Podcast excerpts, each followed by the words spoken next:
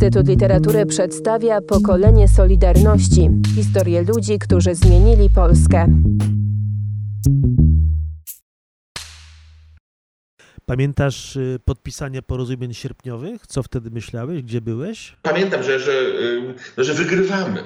Że jest, że jest to zwycięstwo, że Wałęsa z, z długopisem, no, że no, będzie, yy, będzie łatwiej, będzie. Yy, no, coś, coś wygraliśmy i, i, i komuna się cofa. A wiedziałeś, że bodajże 9 września 80 roku w Komitecie Centralnym PZPR-u rozpoczęły się rozmowy na temat organizacji stanu wojennego i rozprawy z Solidarnością? Nie, no skąd? To, że określenie stan wojenny, to to się dopiero, znaczy w ogóle nie jako, nawet jako stan wyjątkowy, to pojawiło się dopiero w mojej świadomości jesienią 81, jak się te grupy wojskowe zaczęły ruszać w teren. No i później to, to, to y, pacyfikacja szkoły pożarnictwa w Warszawie, ale, ale wcześniej, znaczy raczej wszyscy obawialiśmy się Rosjan, a nie, a nie Polaków. Stąd y, takim mm, moim zdaniem mm, pokoleniowym szokiem było to, może ten szok już pewnie minął, e, ale że polskie wojsko jest w stanie wystąpić z bronią przeciwko Polakom. To było takim scenariuszem e, mniej pra- uznawano, że e, tak my w tym uważaliśmy, że jest niemożliwe, e, żeby Związek Radziecki interweniował, a polska władza komunistyczna, ja wiem, że to jest zaprzeczenie w, w samym sformułowaniu komunistyczna władza polska, nie wystąpi przeciwko własnemu społeczeństwu. Po podpisaniu porozumień sierpniowych y, byłeś działaczem KPN-u, y, wstąpiłeś do KPN-u 5 października 1981 roku. Y, jaki był Twój stosunek do Solidarności, do tego 10-milionowego związku zawodowego? Co wtedy sobie myślałeś o Solidarności? No, że to jest, no przede wszystkim, że to, że, że to nie jest związek zawodowy, to dla mnie to było najmniej istotne. Były miejsca, gdzie e, KPN w Solidarności był bardzo silny. Tutaj głównie na, na Górnym Śląsku ta, ta Solidarność tam była w dużej mierze KPN-owska. W każdym razie te pierwsze były komórki zakładowe KPN-u na kopalniach. Na pewno było w manifestie lipcowym, co zresztą śmiesznie, śmiesznie brzmi.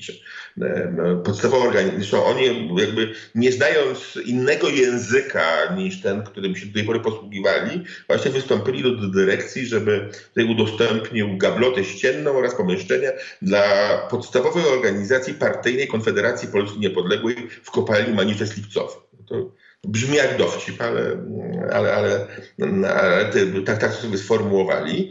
E, także tutaj ten KPN był bardzo silny w paru, paru miejscach, e, ale i w, i w Lublinie, i w i grupa KPN-owska w, w Hucie Warszawa, e, i, i, i, w, innych zakładach, w Kasprzaku byli, ale i na uczelniach, a ponadto jeszcze no, trochę się zacierały te, te, te różnice. Ponadto jednym z e, wspólnych celów KPN-u i Solidarności w ówczesnym czasie, e, co bardzo mm, e, dla mnie zdeterminowało działania, no były żądanie uwolnienia więźniów politycznych.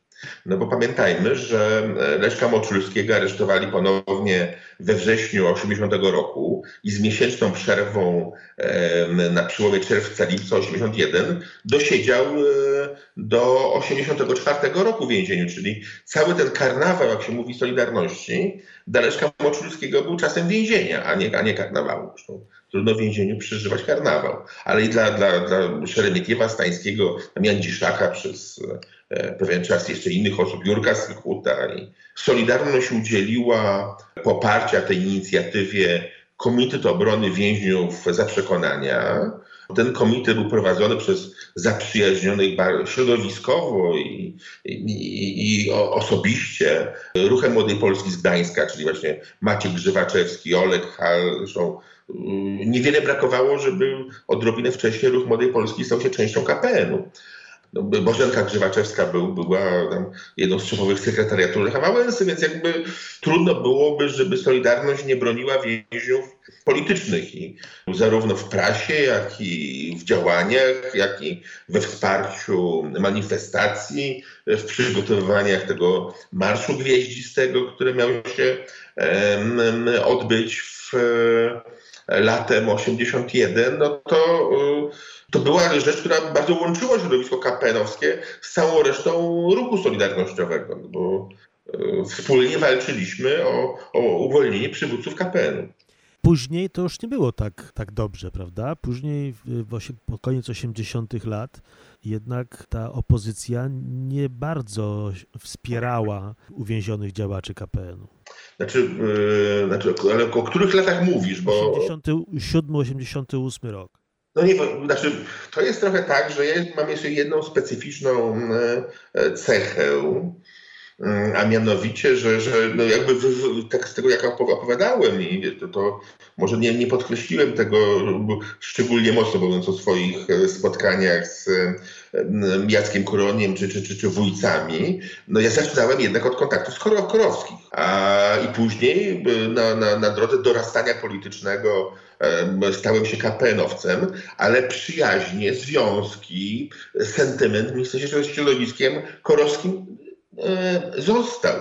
I, I, zawsze byłem zdania, że środowiska opozycyjne, mające wspólne wartości demokratyczne, wolnościowe, niepodległościowe, e, cywilizacyjne, oświeceniowe, mogą się pomiędzy sobą różnić, ale ta podstawa e, jest wspólna. I nawet jak już e, po, w stanie wojennym, jako jeden z tych działaczy kapelu, który nie został internowany, bo odtwarzałem te kontakty pomiędzy ocalałymi strukturami kapelu, no znaczy ocalałymi w sensie niearesztowanymi ludźmi, e, to uczestniczyłem w takiej trzyosobowej Radzie Politycznej KPN-u obok Zygmunta Goławskiego i Tadeusza Jędziszaka, no to tam napisałem takie oświadczenie e, po aresztowaniu e, członków koru, którzy nie zostali zwolnieni, e, jak się zakończył okres stanu wojennego i wtedy wszyscy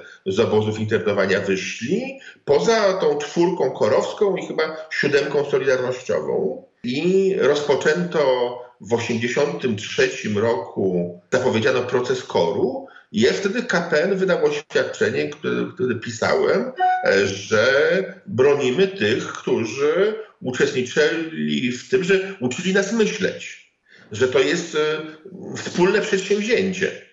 No i to oświadczenie, przyznam się, to jest jedna z takich rzeczy, z którego jestem dumny do, do, do tej pory.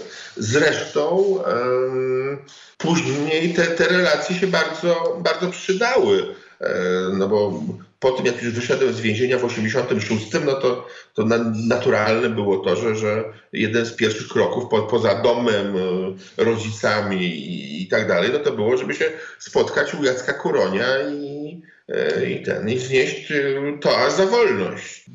I te relacje mi zostały do dzisiaj. Za parę dni będzie korowska impreza na 45-lecie i tam z żoną będziemy się, mam nadzieję, dobrze bawili we własnym środowisku starej opozycji. W tym 80 roku panowała taka atmosfera jedności i zjednoczenia. To też wszyscy, którzy pamiętają tamten czas, podkreślają. Leszek Moczylski napisał tekst o wyjściu o gospodarce, o tym, jak zreformować gospodarkę PRL-u, który został przedstawiony podczas zjazdu Solidarności, przyjęty tam i na jego podstawie potem e, konstruowano program gospodarczy Solidarności. Była taka jedność rzeczywiście? Tego, tego akurat nie pamiętam.